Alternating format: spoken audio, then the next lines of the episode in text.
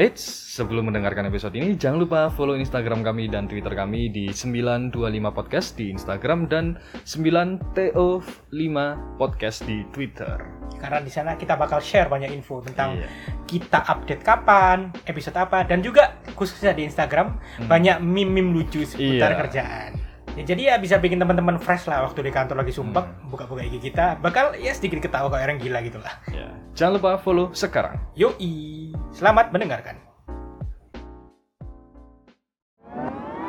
Udah lama banget kita nggak record terakhir awal-awal puasa sebelum lebaran di Hmm. episode Oma Karyo itu. Yoi, udah lama banget. Dan sekarang ya mungkin telat ya, cuman ya minta izin lah ya lah. Bagi para pendengar. Soalnya kita podcaster yang rajin menabung konten. Iya, kita tabung aja. Sampai kalau udah mentok baru kita cari cari konten lagi. Nah, Oke, eh, tamu kali ini mungkin agak spesial ya karena telurnya dulu. Iya. Kemarin kan eh, levelnya level lokal lah ya. Lokal. Eh, kalau yang hari ini bisa dibilang dia levelnya level nasional. Nasional. karena sempat menjuarai kompetisi lah, Ajang kompetisi. pencarian bakat lah ya. Ajang mencari bakat yang memang udah terkenal banget dari dulu, udah dari lama banget dia. Eh, Oke, nggak usah berlama-lama. Eh, kembali lagi bersama Five Podcast bersama saya Bram di sini. Dan Daniel.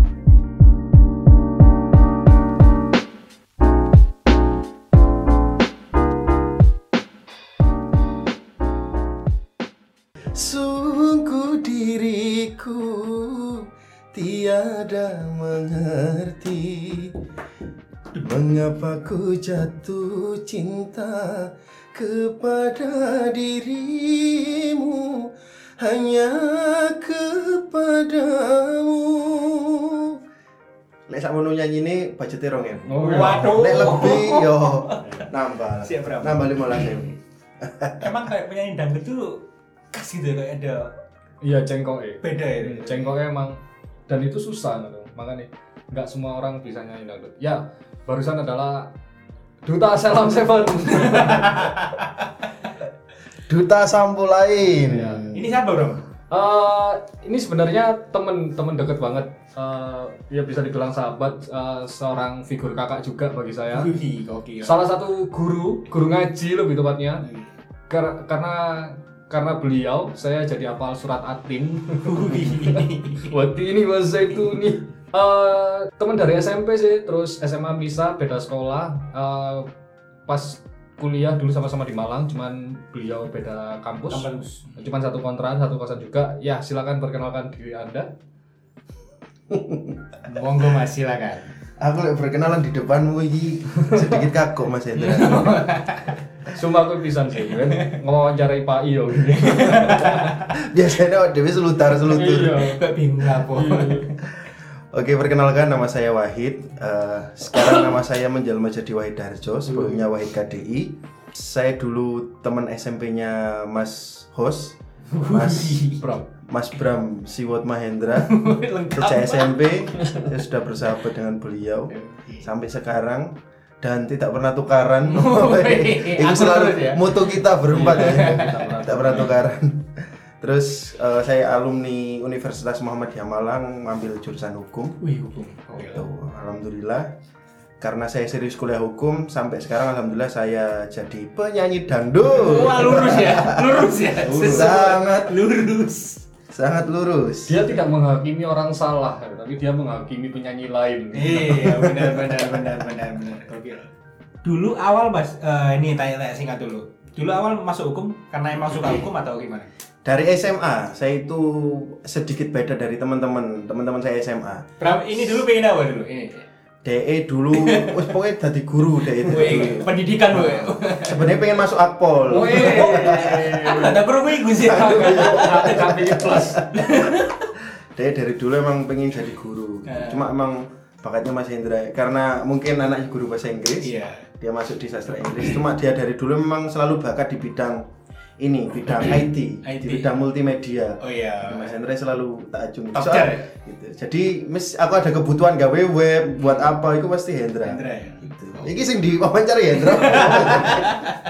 oke lalu, lalu intinya kenapa hukum Eh, intinya karena dari, dari SMA aku wis sangat tertarik dengan acara-acara di TV One Oh, Sing- ILC, ILC. ILC. Jangan ke mana-mana, sudah Kita harus sudah. Dari acara itu terus dari SMA aku aku selalu vokal. Maksudnya selalu ngomong nih kelas ngomong terus ngecepret terus. Walaupun jarang ngerjain tugas karena aku sering ngomong sering jawab walaupun rada ngawur akhirnya nilai-nilai itu terselamatkan. Terus teman-temanku nyarano wis timbang bingung-bingung sekolah hukum aja tak mau cocok jadi pengacara. Oh, asik. alhamdulillah sekarang saya jadi pengacara pedangdut banyak acara. Alhamdulillah. Tetap speak up kan yang penting. Iya, iya. betul Soalnya nggak hanya dari SMA sih, kan dari SMP juga Wahid ini juga ketua OSIS juga. Oh ya? Oke. Ketua OSIS. Yang oh ya, salah satu fun fact juga adalah Wahid itu vokalis pertama saya Ya. dalam satu band dan saya basis pertamanya Wahid. Waduh. dengan band bernama Ali. Apa maknanya? Ah, Karena kita masih kecil dulu. Oh, Dari semua band yang ada di SMP ya, kita itu paling kecil. Paling kecil. Dan menang ya Ndo, tadi. menang juara dua dulu kelas 7 SMP pas pensi. Gitarisnya ya si Dimas, Dimas Pai yang dulu di episode HRD. Oh iya, yang suka mencatin orang itu. Iya. Ya, itu terus akhirnya kuliah hukum. Is ini serius di kuliah hukum. Saya dulu sempet sempet magang juga di salah satu instansi hukum. Hmm. Terus sampai akhirnya pandemi itu merubah semua arah perjalanan. Iya, wis wah itu sepanjang mana lah ceritanya. Oh, iya. Pokoknya intinya pernah jualan kurma juga. Oh iya betul. Oke, sebelum masuk ke situ, ini ada satu di mood board kita ini apa Bram? Tolong ditanya Bram. Oh iya, kenal Mbak Lina nggak? Nggak kenal. Saya dari tadi bertanya Lina ini sopo. Mbak. Lina. Iya itu itu yang seharusnya saya yang bertanya. Iya. Lina itu sopo. Berarti emang dia pure jalannya pedangdut atau musisi lah ya. Saya Jadi nggak- pernah mendaftar di Job Street. Hampir pernah sih dulu waktu dulu kan Hendra yang bikinin saya CV. Oh iya? Terus masukin job street itu. Sampai Sih, sekarang seling ada email-email tapi ya itu. oh tahu aku. Ah. Notifikasi yo. Email. Notifikasi email itu ya. Ah. Oh alah. Lina ingat. Ya benar benar benar. Oh alah. Saya kok ikut. kami kami Hendra sih masih asistennya sampean kok kami kami Enggak sumpah seriusan sampai pernah ada temen yang bilang wah eh, selalu gitu ya setiap ada satu orang yang apa terkenal Hmm. pasti temennya nggak terkenal sidekick Tapi yo separuh perjalanan hidupku ya Hendra Saksinya. ini saksinya. Saksinya. Gitu. Cuman duka suka duka saya. Maksudnya Nggak, tapi jujur ya mungkin kalau orang lain ngelihat wih cuk wah itu KDI gitu kayak. Hmm. tapi aku ngeliat wah ya ya wis biasa Iya, ya ya wis wah ya biasa. soalnya benar-benar tahu dari Iya. tahu Kecil dari- tahu SMP. ngeresi iku kotoran kucing ning kamar Iya, kos iya. murah sekolah Orang kolam pas berat perjalanan apa bawa akuarium gocengan ulurku eh salah awal perkenalan Mas Wahid di dunia tarik suara terutama di dangdut cemplungnya itu gimana mas? sebenarnya apa ya tersesat saya ini mas Tapi kan udah ngeband awal-awal. iya jadi saya dulu malah sama sekali gak kepengen dangdut mas Apa Saya- pengen yo pengen jadi penyanyi Pop, ya ya? pop Oh, gitu oke. malah saya band sama Hendra itu progresif terus ya ini. Oh, oke. enggak saya kalau awal-awal ngeband itu under Si- the backbone iya. musnah si pop-popan gitu lah ya rock sih Tapi- karena Hendra dari dulu didikti sama guru maha guru SMP dulu itu didikti ke musik-musik progresif akhirnya saya pun ikut mindset mindsetku pun wah ini musik terkeren nih yo progresif iki Nanti yang rock iki. jelimet. Heeh, sing denenet denenet. Dari situ menurutku sing paling keren. Jadi tak dalami terus sampai kita aku sama Hendra itu lomba Iya. wis keliling keliling Jawa Timur lah demi mencapai puncak lomba itu ya. Dan akhirnya tercapai ya. Ya, alhamdulillah Ya, Nomor kita berapa juara, ya? satu. Wih, gokil. Rock Matic? Fest yo, Ah, 2014. pas aku maba Iya, Bapak. Iku dapat sepeda motor ambek uang 10 juta ya. Ndo. Terus ku gantian seminggu ya sih kok sama motor itu. untungnya motornya dituku ambek drummer kita. Bapaknya drummer kita jadi dulu itu lombanya hari Sabtu Oke. Minggunya aku EPC Jo Oh, EPC. iya sumpah Acara kampus itu guys. Terus akhirnya eh, masuklah di kuliah. Kuliah itu aku mau masuk ekstra mau masuk ekstra apa namanya? UKM. UKM. Mau masuk UKM Ikabama namanya. Hmm, Ikatan itu ya? band itu pokoknya. Eh, Ikabama. Dari situ terus ternyata mereka gak baru baru masuk tok iku ya, baru daftar itu aku wis aku nunjukkan prestasiku ini aku langsung di, istilahnya diterima terus kamu langsung bayar ini buat berseragam kamu langsung ikut apa namanya ospek diklat ikut diklat Emang kalau nggak nunjukin ada tata apa mas? Gitu nih mas. Eh, itu wawancara Oh. wawancara kan kamu pernah lomba nggak Gini. Iya iya iya. iya. terus ternyata eh, sistem organisasi mereka itu sangat sangat bertolak belakang dengan pribadi saya Hmm. gitu loh ya banyak lah hal-hal Nggak cocok yang ya, nggak ya. cocok lah Nah. intinya kayak gitu terus akhirnya saya nggak jadi ikut diklat akhirnya eh, saya memutuskan untuk serius kuliah mulai perbanyak baca buku ikut organisasi aktivis Hmm. organisasi ekstra kayak gitu terus akhirnya Organisasi yang berwarna putih ya Mas Wahid? hah Yang berwarna putih ya? apa itu hijau hitam Oh iya, cuma hijau ya. Eh, hijau hitam lah bro Oh iya iya.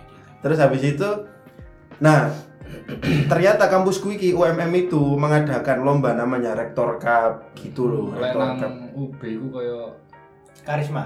enggak beda. Sing apa sih? iku Brawijaya Cup. Raja Brawijaya Enggak beda. Enggak. Sing iku lho sing ben tahun sing ngadano EM iku lho.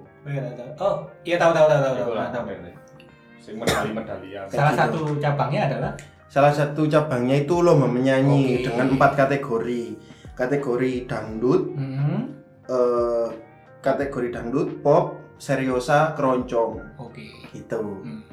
Nah, karena fakultas hukum ini terkenal, aku kan fakultas hukum, Hmm. terkenal fakultas apatis. Kayak kita itu wis males kayak alah Ikut-ikut. lu mau nulis lapo sih ngono. Akhirnya saya di, bakatku nyanyi dangdut ini ditemukan sama ketua BEM saat itu namanya Mas Sunarto. Ya mas? Kan sampai. Nah, itu karena aku karena aku suka ngaji. Oke oke. Jadi ada masuk UMM itu ada screeningnya mas, Oke. masuk screening. Masuk fakultas hukum itu ada screeningnya.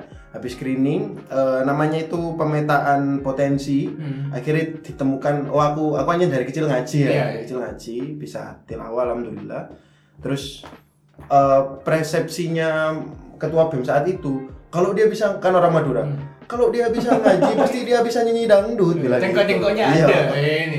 Akhirnya ikutlah aku sekarang enggak enggak enggak aku enggak mau enggak mau gitaris dudu Oh, dudu beda. tadi sak konco Oh. sak geng Awal nggak mau itu. ya? Mas Abdus itu Nah. Oh iya, mau Mas Abdul. sama sekali nggak mau mas oh. Kak, kak, kak. Oh, kalau aku pop mau aku pop mau Oh, iya. sama sekali nggak mau terus ayo hit minta tolong hit minta begini minta tolong hit kamu ikut hit ini menyelamatkan fakultas kita Oh, hit. iya. ayo hit ya wis lah terpaksa ikut lah mas mau yes ikut Ciling aku lagu per... akhirnya aku ikut daftar lomba pop lomba dangdut lomba keroncong. Tiga. ternyata boleh ya ternyata boleh. Saat itu ya ampun lah ya ampun sistem pendirian ya Telu-telu di posisi. Eh,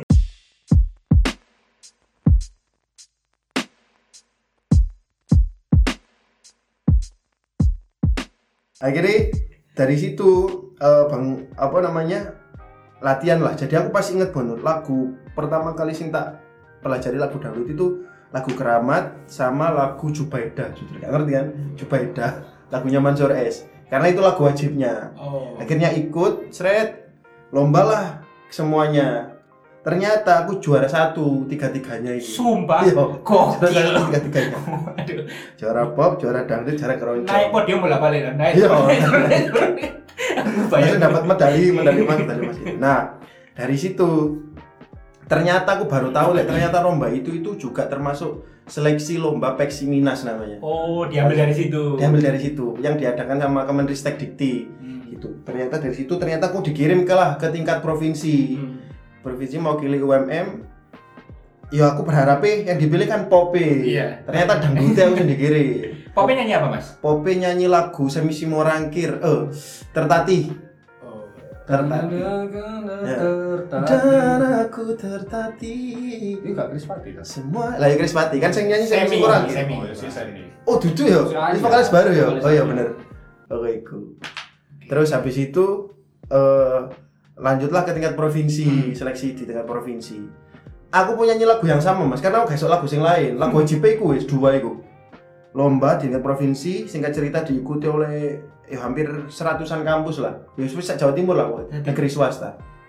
Juara satu ternyata aku Oke. juara satu.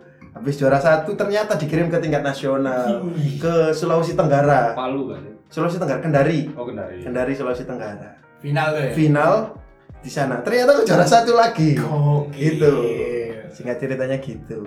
Dari situ kayak eh wah kayak eh, eh, dapat uang kan mas dapat Iya, uang iya. uang dapat beasiswa kan wah kayak menjanjikan Kok kira. jalanku di sini deh kayak gini. Hmm. terus terus eh, lebih seriusnya lagi itu waktu nggak sengaja ya mas nggak sengaja di depan kosku kosku sama Hendra Hmm. itu kan ada man satu Hmm. nah man satu di ada komplek-komplek itu Ah. itu ada JTV Malang kantor JTV ngerti gak main sebelah pom itu itu ono kantor JTV Malang kan di sebelah man itu Hmm.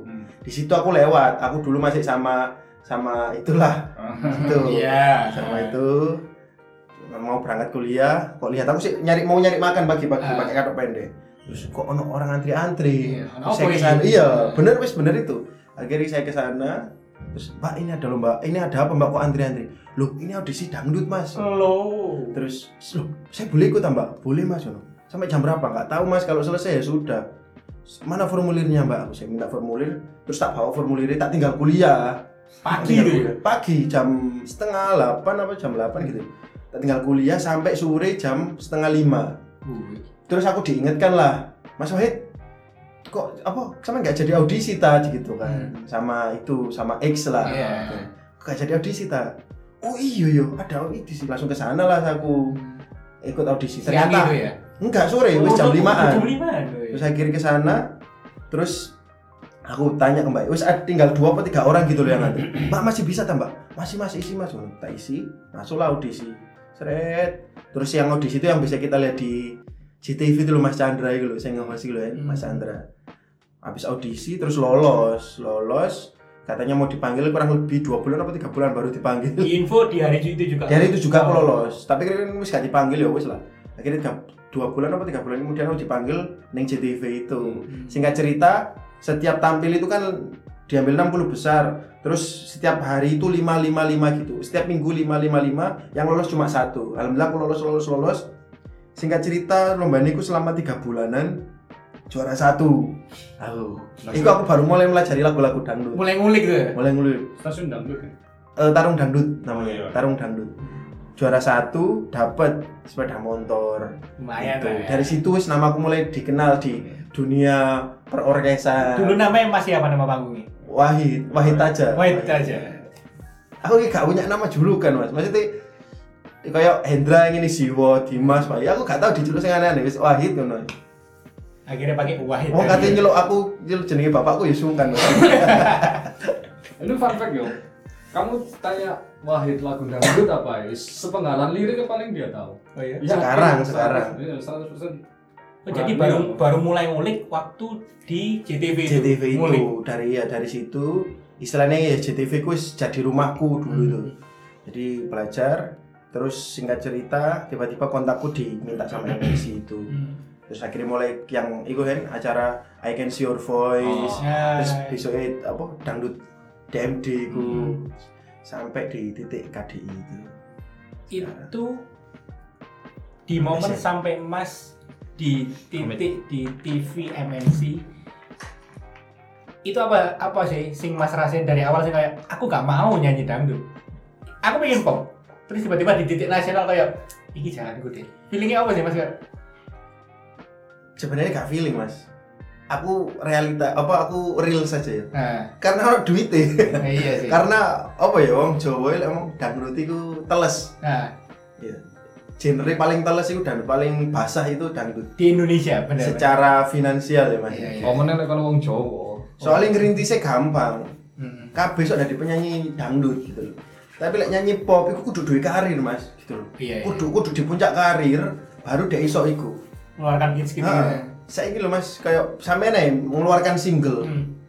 lagu Jawaan ngono ya sing ono gendangnya wis sampe iso dikatakan penyanyi iya lek penyanyi dangdut loh ya ini dangdut kabeh tinggal pasarnya mau nggak sama sampean gitu iya tapi kalau penyanyi pop susah mas dia harus punya karir Iya. harus gini gini terkenal dulu Iya, gitu ya susah orang yang nggak punya label terus tiba-tiba bikin lagu, tiba-tiba lagu meledak. Ada paling ya satu dua. Hmm. tapi jarang mas. Iya. Musuhnya akeh soalnya. Iya. Kalau pop. Tapi mas, di sisi lain, dangdut sendiri kan bisa dibilang kayak kolamnya gede, ikannya banyak. Tapi yang bikin dangdut itu kayak selalu gampang diterima tuh mas kira-kira? Karena yo dangdut is the music of my country. Wes itu. Tema musiknya kan nggak relate sama orang-orang nggak terlalu berat. Enggak.